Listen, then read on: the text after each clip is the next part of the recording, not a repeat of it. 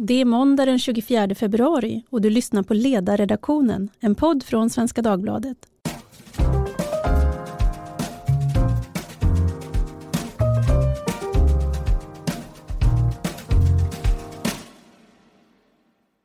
Jag heter Tove Livendal och idag ska vi prata om vårdkris, ett ämne som dessvärre regelbundet är aktuellt. Just nu larmas det på Södersjukhuset i Stockholm, SÖS, och berättelserna som återges i nyhetsrapporteringen är inte roliga. Sjukhuset gick upp i så kallat stabsläge på söndagen efter en vecka där röster ur personalen beskriver som det har varit kaotiskt. En 97-åring fick på grund av vårdplatsbrist inte vård på 19 timmar. Och en sjuksköterska säger till Svenska Dagbladet att jag har jobbat i vården i 20 år och detta är det värsta jag varit med om. Det ser ut som en krigszon här. Slutcitat. Man hävde stabsläget i morse 9.25. Eh, själv får jag, ska jag erkänna, en känsla av lite måndag hela veckan, för det här har jag ja, med lite variationer hört förr. För att inte tala om larmen inför sommaren då det alltid saknas vikarier eller när det uppstår brist på förlossningsplatser. Så ordet kris har ju någonstans nästan blivit ett normalläge när vi pratar om svensk vård. Det kommer så pass ofta. Och då undrar jag, hur kan det vara så att vi är ett land som lägger så mycket pengar på vården, jag har hört 50 000 kronor per svensk år, har en mycket hög läkartäthet jämfört med andra länder, att det ändå återkommande blir kris. Med mig för att reda ut det här idag är Maria Taranger som är överläkare och verksamhetschef eh, för medicin, geriatrik och akutmottagning på Östra sjukhuset vid Sahlgrenska universitetssjukhuset. Välkommen! Tack, tack! Och eh, det har vi ena änden av, av världen, höll jag på att säga. Och ifrån Portugal så har vi också med oss Katarina Barkman som är projektledare vid Forum för Health Policy, som är en ideell och politiskt obunden tankesmedja som vill stärka analysen av hälsopolitik i Sverige och stimulera till innovation och nya policyalternativ. Välkommen Katarina! Tack för det! Och här i studion sitter tillsammans med mig Emanuel Örtengren, programansvarig för välfärd vid Näringslivets tankesmedja Timbro. Välkommen tillbaka! Hej! Ja, om man bara följer rapporteringen kring det här med SÖS då, där, som, som just idag finns i tidningen, så är det ju många olika signaler tycker jag. Dels så säger SÖS VD Mikael Rungsjö under söndagen till Svenskan att patientsäkerheten är naggad i kanten. Och det fick huvudskyddsombudet för Vårdförbundet, Karina Hansson, att reagera. Hon säger de brukar alltid försäkra att patientsäkerheten inte är hotad. När han säger så har det gått så långt. Och ändå så vill hon inte avråda patienter från att söka vård på Södersjukhuset. Så det är liksom lite dubbla signaler.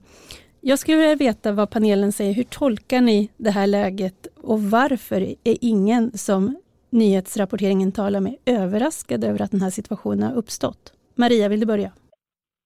Ja, vi vet, vi är ju mitt inne i den allra värsta perioden för akutsjukvården. Det är, den, den är ju mellan 13-helgen och eh, januari, februari, mars. Så här har det ju varit Eh, det är, då den, det är då vi har flest sökande, det är då alla våra sköra äldre drabbas av infektioner och kommer till sjukhusen om man inte har riggat för omhändertagande av dem på ett bättre sätt.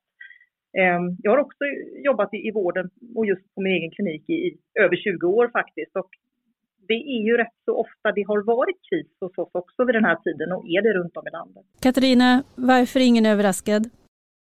Men ja, det här är ju någonting som man faktiskt hör återkommande som Maria tar upp. Men jag kan väl kontra med, med de frågorna du inledde med att eh, vi har ändå eh, ett stort antal läkare per capita, större än EU-genomsnittet. Till och med SKR, alltså tidigare SKL, Sveriges kommuner och regioner, framhåller ju att eh, vår kostnadsutveckling Eh, inte i huvudsak förklaras av en växande åldrande befolkning. Så det, det är mer att jag eh, bollar tillbaka här var, vad det här eh, kan bero på. Och det kommer vi väl eh, fortsatt eh, till i samtalet. Men jag tror att det är ett antal olika faktorer som, som påverkar det här i system, hela systemet. Jag tror ju ändå då att det, det som det kokar ner till är att det har varit även den här ökningen av antalet personer och, och, resurser till sjukvården så har man inte fokuserat på akutsjukvården och på de sköra äldre. Det kommer liksom sist. Eh, det är därför som vi, det är där som liksom det hela kommer till uttryck och man måste vända på kakan. Börja med att se till att de flödena fungerar så kommer resurserna till den mer speciella och specifika vården mm. eh, räcka bättre och funka. Mm. Det, det, är väl liksom essensen i det hela, mm. tycker jag. Mm. Emanuel, hur tolkar du det här läget med SÖS just nu? Ja, nej, men som vi har varit inne på så är det ju inte första gången det här hände med just SÖS. Jag tror det var samma sak 2019, ungefär vid samma tid också.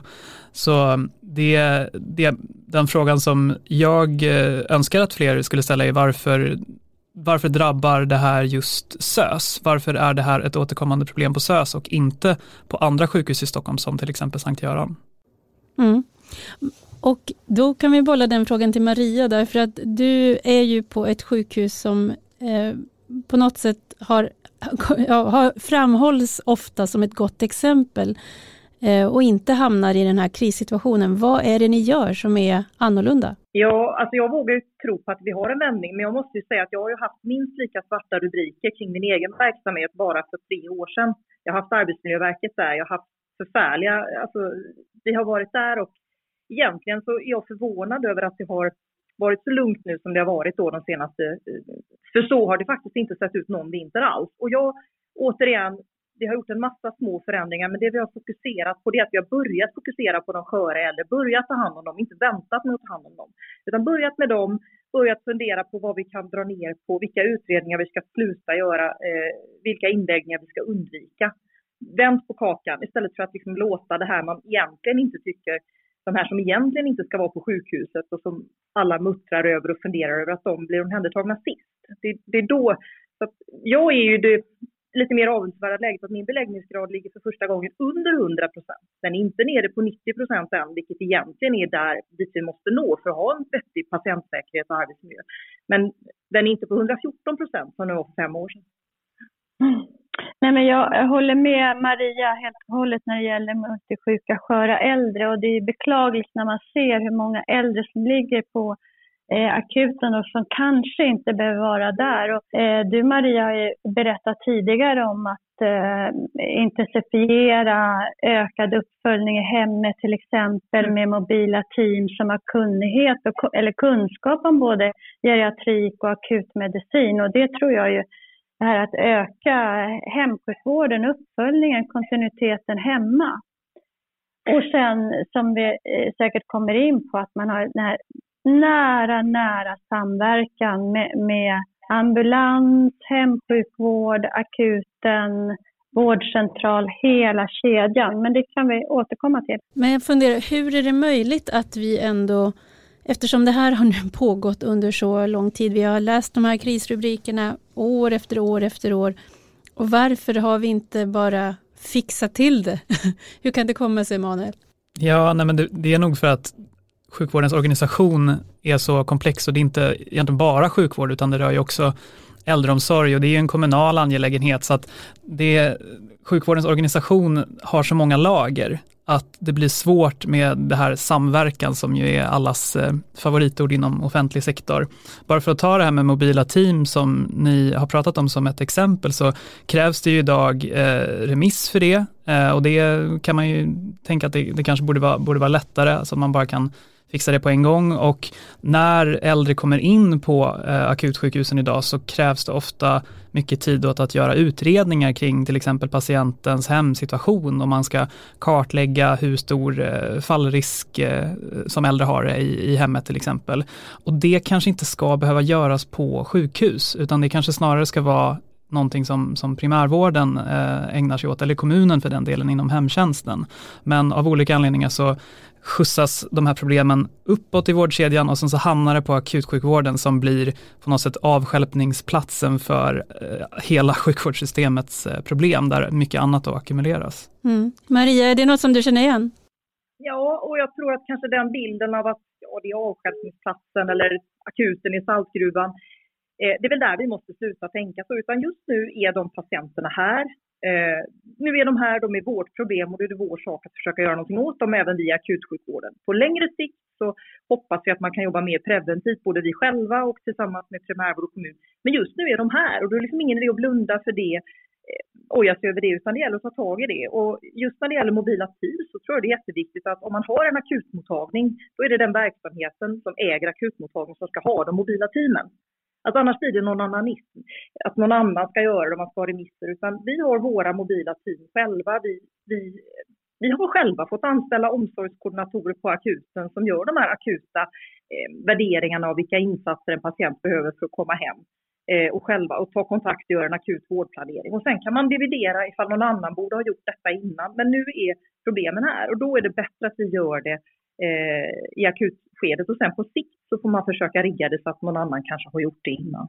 Katarina, jag funderar på, ni ifrån er tankesmedja så brukar ni titta på det här med digitalisering. Om man, om man liksom går framåt i tiden till något slags önskat läge och tittar på kanske 10-15 års sikt, hur skulle, det, det, det låter fint, men hur skulle det konkret kunna göra situationen bättre? Vad är det vi borde, vad är de liksom läg, mest lägst hängande frukterna när det gäller vården och digitaliseringen? Jag tror att det finns väldigt mycket där. Jag tror att eh, digitalisering i form av digitala vårdkontakter till exempel skulle kunna användas i mycket högre grad. Vi skulle kunna ha distansmonitorering. Jag tror också att digitaliseringen kan hjälpa till att eh, få till en bättre prevention, ge stöd för förändrade levnadsvanor. Vi ser ju också spännande resultat i form av AI-baserade stöd som alltifrån granska röntgenbilder, kan ge stöd för att eh, sätta diagnoser etc.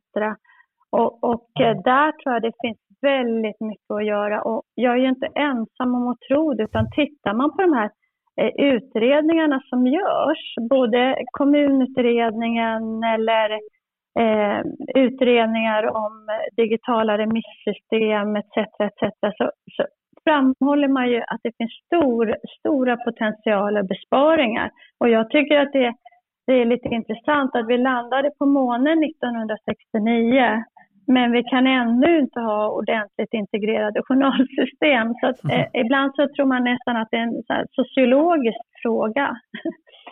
Ja, men och vad, vad, är det då? Var, varför, varför tar det sån tid? Jag jobbade ju tidigare som innovationsdirektör i Stockholms läns landsting och då såg man ett antal hinder i en ganska stor och tungrodd organisation ändå. Och hinder för, för nya idéer, eh, ny innovation och det kunde vara eh, kulturen, eh, tungrodd organisation. Jag kunde få kontakter från eh, sjuksköterskor som hörde av sig till mig då som satt i ett helt annat så att säga, rör i själva hierarkin men direkt till mig och hade idéer men inte fick liksom någon, någonstans att utveckla idéerna och man kanske inte hann med på kliniken för att göra de här förändringarna. Eh, och vi ser ju de här eh, nya vårdgivarna som växer fram, nätläkarorganisationerna till exempel, de växer ju fram i ganska stor utsträckning just för att regionerna inte har, har klarat av det som, som de skulle göra, har varit lite oförmögna till, om vi nu pratar digitala besök och digitalisering. Jag tänkte på det, Emanuel, då får du vara liksom lite näringslivsrepresentant här för att det kommer nätläkare, det kommer privata vårdgivare och en del som eh, oroas över situationen, de pekar ju på det, att det blir rörigt. Det kommer in liksom nya aktörer och man har ingen ordning längre. Vad är, vad är din bild av detta? Nej, men då, det, det är klart att det, de här alltså nätläkarna och privata aktörer utmanar det, det rådande systemet och eh, jag tror att det, det konstruktiva sättet att förhålla sig till det är att försöka tänka, men hur kan de införlivas i systemet på ett så bra sätt som möjligt. Men för ett par år sedan så var, det var det debatten inom vården vad gäller nätläkarna, då handlade den om att man skulle i princip förbjuda dem. Nu tror jag inte att det är någon som försöker förbjuda dem som så, men däremot så kan man diskutera i vilken grad de ska, de ska skattesubventioneras eller om de ska göra det alls. Ehm, och sen vad gäller just de privata vårdgivarna som, som är inom den fysiska vården så tror jag att vi i Sverige har en del att lära från andra länder som till exempel Nederländerna och Tyskland där man har en större erfarenhet av att utkontraktera vård till privata vårdgivare. Och till skillnad från i Sverige så har de privata vårdgivarna i de länderna, många av dem då har socialförsäkringssystem istället för skattefinansierade system som i Sverige de har till exempel utbildningsansvar, eh, läkare som jobbar på de eh, privata vårdgivarna, de har också medverkar i jour vid sjukhus och liknande och det tror jag har skapat en större acceptans för de privata vårdgivarna i det systemet medan i det svenska systemet så, så har de här poppat upp och de kanske inte ses alltid som att de är eh, en del av det större vårdsystemet. Så det är någonting man skulle kunna jobba vidare med tror jag. Mm. Maria, vad tänker du om det här med privata och offentliga aktörer? Du finns ju på en offentlig grad. Just med att det stora problemet i akutsjukvården upplever jag många gånger är de sköra äldre, så menar jag att det är kanske en grupp där, där den vårdformen är, är alltså fragmentering gör det sällsynt svårt att ta hand om de här personerna. Övertron på olika spår för speciella diagnoser eller olika vårdgivare som har svårt att ha kontakt med varandra. Det, det gör det svårt att ta, ta ett samlat grepp om den här gruppen. Jag ser ju bara eh, på SU och Göteborg att, att min stora klinik då, som integrerar internmedicin och geriatrik med alla subspecialiteter inom en och samma hatt har ju mycket lättare att hantera eh, de här stora flödena än exempelvis systersjukhuset eh, på Sagenska tomten som har, redan där har eh, flera olika verksamheter som ska komma överens. Vem är det som ska ha patienten? Det här tjafset då när de här stackars gamla ligger nere på akuten. Eh, det har ju varit lättare för mig då med, som en chef att säga nu, eh, nu ska de här in. Och på samma sätt när vi samarbetar då med olika aktörer utanför sjukhuset så är det ganska svårt när det är för många olika aktörer att samarbeta med kring de här sköra äldre. Det, jag tycker ändå, utan där får man kanske se att, att eh, de här privata vårdformerna och nätläkarna borde finansieras på ett annat sätt och kanske passa en, en annan målgrupp. Men ska vi samverka med de här sköra äldre som far in och ut i olika system, då, då, jag, då skrämmer det mig om det blir för, för uppdelat. Det funkar inte då tror jag. Vad säger du Katarina? Jag, jag ser absolut ingen motsättning med en eh, större användning av digitaliseringens möjligheter som flera pekar på jag tror att, eh, att nyttjar man digitaliseringen, och där är ju faktiskt tack vare att vi har haft privata entreprenörer som har drivit på den här utvecklingen, så kan vi frigöra mer resurser till det Maria är inne på, nämligen sköra äldre som behöver mer fysisk omvårdnad. Det är ju så att säga drömscenariet, att eh, vi, vi är effektivare på den delen, vi kan vara mycket effektivare. Och sen ska man inte glömma att vi har ju en, en stor del av, av populationen, av befolkningen, som är yngre men vill nå vården snabbt. Mm. Och vi har många som bor i geografiskt, eh, eh, geografiskt ja, långt, lång, lång distans till läkare som också behöver nå vården snabbt. Och där är ju digitaliseringen fantastisk. Mindre alltså det... resurskrävande, man kan, vara, man kan sitta som en röntgenläkare i Valencia, hjälpa ett sjukhus i Stockholm och så vidare. Så jag ser ingen motsättning i detta, utan tvärtom. Alltså digitaliseringen, den ser jag verkligen ingen motsättning och det, det tror jag är jätteviktigt att vi anammar. Utan det jag är lite orolig för det är när det blir för många olika vårdgivare och det som jag gav exempel på även inom en och samma förvaltning. Men det, alltså det är det som är lurigt när man ska samverka över, så fort det kommer en gräns så blir det ofta lite, det gör det lite lurigt. Och, där, och det är där jag ser att inom akutsjukvården så har man missat att den stora delen av patienterna som faktiskt söker hjälp på akutsjukhusen, de är sköra äldre.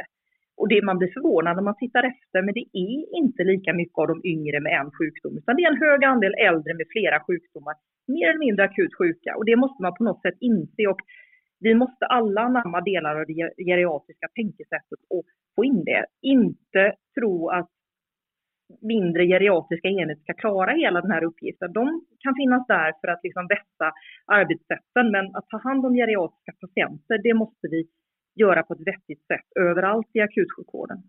Och gärna digitalt. Det är också en vanföreställning att inte äldre skulle kunna klara av att sköta, liksom, delta i sin egen monitorering hemifrån och så. Det, menar, det har vi Borgholmsmodellen och annat. Så det, det vill jag verkligen säga, det, det, tror jag mycket på, att där finns mycket att göra. Vad, vad är Borgholmsmodellen för de som inte är insatta i den? Ja, förlåt. Så som, jag, eh, så som jag har förstått det så är det ju en hälsocentral utgående från primärvården i Borgholm som eh, genom att låta sköra äldre med, med många sjukdomar eh, ha en padda och ett system där de själva eh, screenar sig själva med enkla parametrar, väger sig, kontrollerar blodtryck och chattar med eh, hälsos, hälsocentralen eh, kan, kan undvika eh, helt och hållet sjukhusinläggningar och minimera fysiska besök på hälsocentralen. Mm. och vilket har gjort att de har ju fått många fler kontakter med hälsocentralen men den tid som personalen på hälsocentralen lägger ner på de här kontakterna är sammantaget mindre än den de la ner på fysiska tillfällen. Och sjukhuset, om jag förstått det rätt, för den här hjärtrisksgruppen jag har hört talas om, de, de fick plötsligt inga slutenvårdstillfällen. Mm. Ja, det låter intressant. Jag tycker också det är intressant med ordet kontinuitet. Eh, det är ju någonting som eh, många utredningar och vi alla är överens om att det är viktigt med en kontinuitet. Eh, att man träffar samma läkare, särskilt för vissa grupper av, av patienter. Men, men där ser jag också faktiskt digitaliseringen som ett stöd. Det kan ju till och med vara så att man, man kan öka kontinuiteten som nu den här Borgholmsmodellen visar på. Mm Eh, med distansövervakning med en och samma läkare enklare faktiskt med hjälp av digitalt stöd. Absolut, och just för de sköra äldre så tänker jag att det, den digitala vårdformen passar just när man redan har etablerat en kontakt, när man känner någon. Det, det tror jag. Um, och jag vill säga våra, eh, våra mobila team som vi nu jobbar med, de har ju inte den möjligheten till um, kontinuitet. Vi följer inte upp våra patienter med mer än i snitt två besök per person. Vi är mer akuta, men vi är ett komplement just för att äldre ska slippa åka in. Och det, alltså innan man har byggt upp nya system så vill jag ändå slå ett slag för den här enkla saken vi, vi gör och ett samarbete med ambulansen. Att vi har dagtid när vårt mobila team är öppet så är ju budet att de ska alltid ringa oss innan de kör in en äldre skör person. Och på det sättet kunde vi stoppa 80 procent av de akuta eh, ambulanstransporterna under 2019. Och av resterande då så var det 15 procent som vi kunde göra direktinläggningar på avdelningen och kunde gå, alltså inte, och bara 5 procent till akuten. Och det är ju som en förändring vi har lyckats vända på nu eh, på ett år som har varit väldigt, väldigt lyckosam. Och fortfarande är det ju många ambulanssjuksköterskor som glömmer att ringa oss. Så det finns mer att göra och mer inläggningar att förhindra genom att, mm. att eh, öka upp det. Men då var det så, så, att en del kunde köras direkt till den respektive avdelning där de hörde hemma, ja. men andra kunde Va, vad händer med de som... 80 procent är kvar i sitt egen lägenhet eller på sitt boende och så kommer vi ut istället. Ibland mm, ger vi råd på mm, telefonen, mm, ibland mm, åker vi ut.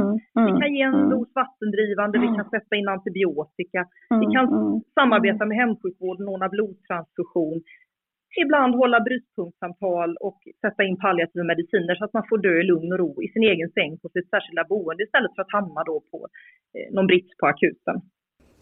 För det, för det var också, Emanuel, vi pratade innan här, din kommentar efter att ha läst eh, rapporteringen så sa att det, det låter som om många av dem inte skulle vara på akuten. Ja, men det låter som att eh, i, i viss mån så gör man fel saker på, på SÖS och man gör inte som man gör på Sankt Göran till exempel, att man, man fattar ett väldigt snabbt beslut om patienten ska läggas in eller inte. Och där har man också observatörsplatser där patienterna kan ligga några timmar, utan nu verkar det vara vilda västern och man, man kör in folk på, på avdelningar där det, där det råkar finnas plats. Och, och döende patienter ska ju helst vara i palliativ vård, de ska inte vara på eh, akutsjukhusen. Och samma sak med, med eh, patienter som då, som då ligger och, eh, eller som, som inte ska vara i akutvården alls. Det verkar som att det, eftersom man inte fattar de här snabba besluten eh, väldigt tidigt in i besöket så, så blir det bara längre och längre köer och det drabbar framförallt då de som kanske egentligen har störst behov, de här äldre och många som är sköra och har kroniska sjukdomar. Jag, jag skulle bara också ändå vilja reflektera lite grann på, på det här med att det är inte bara en fråga om att fatta snabba beslut och, och, lägga in eller inte. För att står man i den situationen då som man har gjort på Södersjukhuset att nu finns det inte fler lediga vårdplatser kvar. Då tror jag ju ändå så som vi har gjort på en verksamhet att man måste lägga, snabbt lägga in patienterna. Men då måste man ha ett ganska tydligt system så man fördelar de överbeläggningarna rätt och att man, och att man inser att det i det allra mest akuta läget, då får det vara mer överbeläggningar på avdelningarna hellre än att man är kvar på akuten. Men man måste väldigt snabbt riggat sig för att ta hand om de här sköra äldre på ett annat sätt. Och då tror jag man måste äga den delen av vårdkedjan själv. Det går inte att förlita sig på att en geriatrisk klinik ska funka och ta över ansvaret, att någon, som, någon annan som äger ett mobilt team ska göra det, utan man måste nog helt enkelt rigga det själv.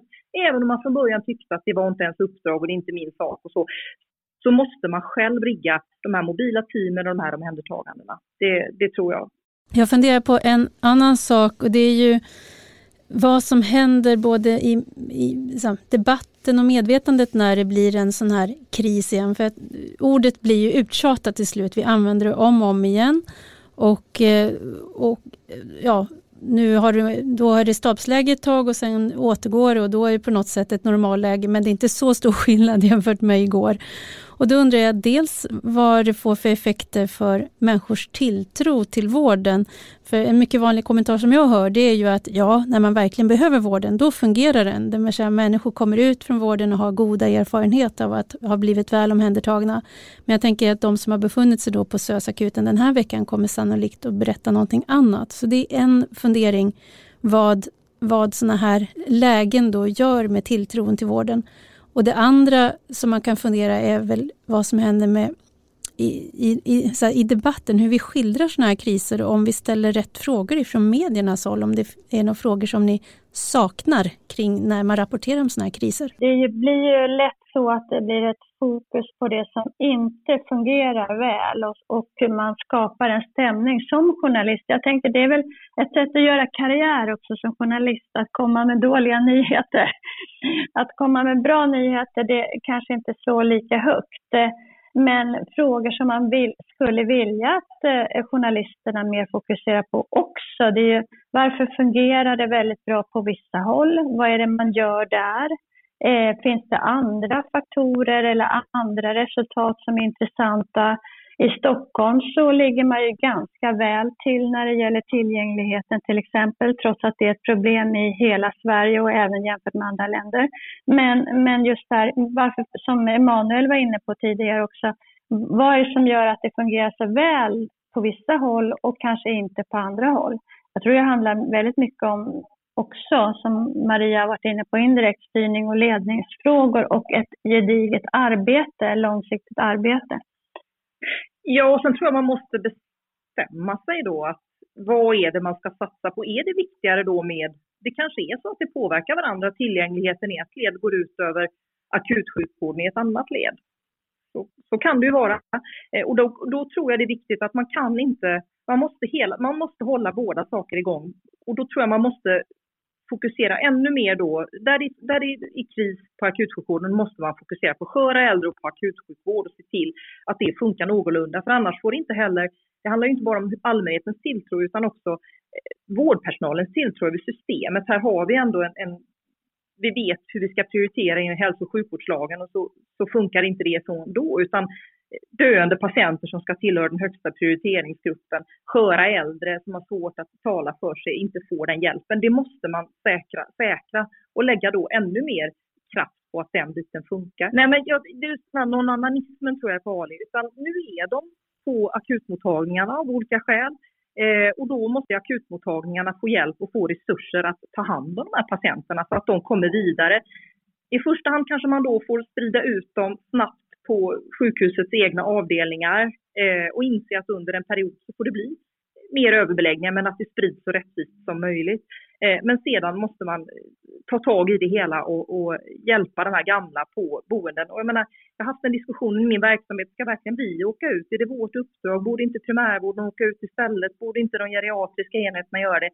Alltså vi är förbi den diskussionen. Nu ligger de här patienterna i våra sängar och då är steg två att vi åker ut istället och tar hand om dem på andra ställen. Steg tre kanske blir att primärvården kan lyckas bygga upp sig så att de kan vara de som förebygger och hindrar det. Men, men vi kan liksom inte vänta på att någon annan ska agera, utan har vi de här överbeläggningarna, de här fulla akutmottagningarna, då måste vi, vi verksamheter som äger problemet försöka hitta en lösning och få stöd från våra chefer att lite extra resurser och öppna ett mobilt team och, och, göra de här sakerna. Emanuel, vad säger du? Vad saknar du ja, i debatten? Nej, men eh, vad gäller det här med vilken bild som presenteras i media och hur rapporteringen ser ut så skulle jag önska att man, man också lyfter de goda exemplen och försöker eh, dra lärdomar från dem från Östra sjukhuset, från Sankt Görans och andra. Eh, och sen är ju, det är klart att dåliga nyheter alltid säljer bättre än bra nyheter, men man ska ju nyansera den här bilden av sjukvården i Stockholm också. Tillgängligheten i Stockholm är bäst av alla regioner i hela landet. Eh, vi har nya arbetssätt där man har tagit bort kön till, till hjärtkirurgin på, på Karolinska, samma sak med cancerköerna, eh, har nu minskat så att köerna till operation är under 30 dagar som de ska vara enligt Stockholms regionala vårdgaranti. Så på så sätt så, så är ju den här bilden som kommer fram nu är väl kanske lite, lite ensidig. Sen håller jag med på på kort sikt att nej, men man kan inte bara stå och peka finger och säga att det är någon annans ansvar, utan alla aktörer i systemet får ta liksom, så mycket ansvar som de har möjlighet att göra. På längre sikt så, så måste primärvården byggas ut. Det är liksom den stora akilleshälen i svensk sjukvård och vi har kanske ja, jag har för mig att det är 15 procent och sånt av, av alla läkare i Sverige som jobbar i primärvården, vilket är väldigt lågt med, med europeiska mått mätt. Vi har inte generell brist på läkare eh, eller ens sjuksköterskor, även om det saknas sjuksköterskor i vissa specialiteter, utan det är den här eh, liksom, vikten mot, mot sjukhusvård i Sverige som är eh, ett problem och som vi måste komma bort från på längre sikt. Om vi bara ägnar oss alldeles kort nu på slutet här åt en stunds nonanism då, och nämligen sätter politikerna som mottagare så får ni säga någonting som de borde göra kort och någonting som de borde låta bli att göra. Därför att en sån här krisrapportering brukar normalt sett leda till att man sticker en mikrofon under näsan på politikern och så svarar politikern vi behöver mer resurser. Och sen är frågan över tills nästa kris dyker upp igen. Så vad borde de göra och vad borde de låta bli? Maria, du får börja. Jag skulle önska att man igen funderade på vilka grupper i hälso och sjukvården är det faktiskt som vi ska prioritera först och då kanske de, då måste de få gå först. Den, den, de svårast sjuka och den palliativa vården. Eh, och då, eh, det, det, tror jag är viktigt att man funderar på när man gör satsningar på andra saker som kan verka intressanta för resursstarka grupper. Fråga sig, har vi resurser att satsa där eller måste vi först satsa på de mest mest sjuka och mest behövande. Okej, okay. Katarina? Jag tycker man ska eh, ge bättre förutsättningar för digitaliseringsutvecklingen. Och jag tycker samtidigt man ska fundera på, behöver vi tänka ännu mera nytt? Och det gäller särskilt det här med ansvaret för hela vårdkedjan. Idag är det egentligen ingen som har ansvar för patienten för hela vårdkedjan. Och det tror jag är en nyckelfråga. Sen eh, tycker jag också att på något sätt så behöver politikerna ta några steg tillbaka och minska detaljstyrningen i vården. Och vi kanske behöver tänka helt nytt i Sverige. Helt nytt. Vad säger Emanuel? Jag skulle vilja se en, en större debatt om prioriteringar eh, och där den offentliga hälso och sjukvården liksom först och främst ska prioritera de som har störst behov, men ett offentligt styrt system, alltså i praktiken en planekonomi som sjukvården ändå är, kommer inte att kunna ta hänsyn till allas eh, liksom, önskemål. Och då är frågan vad folk ska ha för valmöjligheter utöver det. För att jag tror inte att man bara kan säga till folk att, att vända i dörren, utan den, det här behovet kommer att hitta, eller den efterfrågan ska jag säga, den kommer att hitta andra kanaler, till exempel nätläkarna. Och då är frågan, vem ska stå för det? Vem ska ta den notan? Ja, med det vill jag tacka för intressanta tankar och inspel. Mina gäster idag har varit Maria Taranger, Katarina Barkman och Emanuel Örtengren.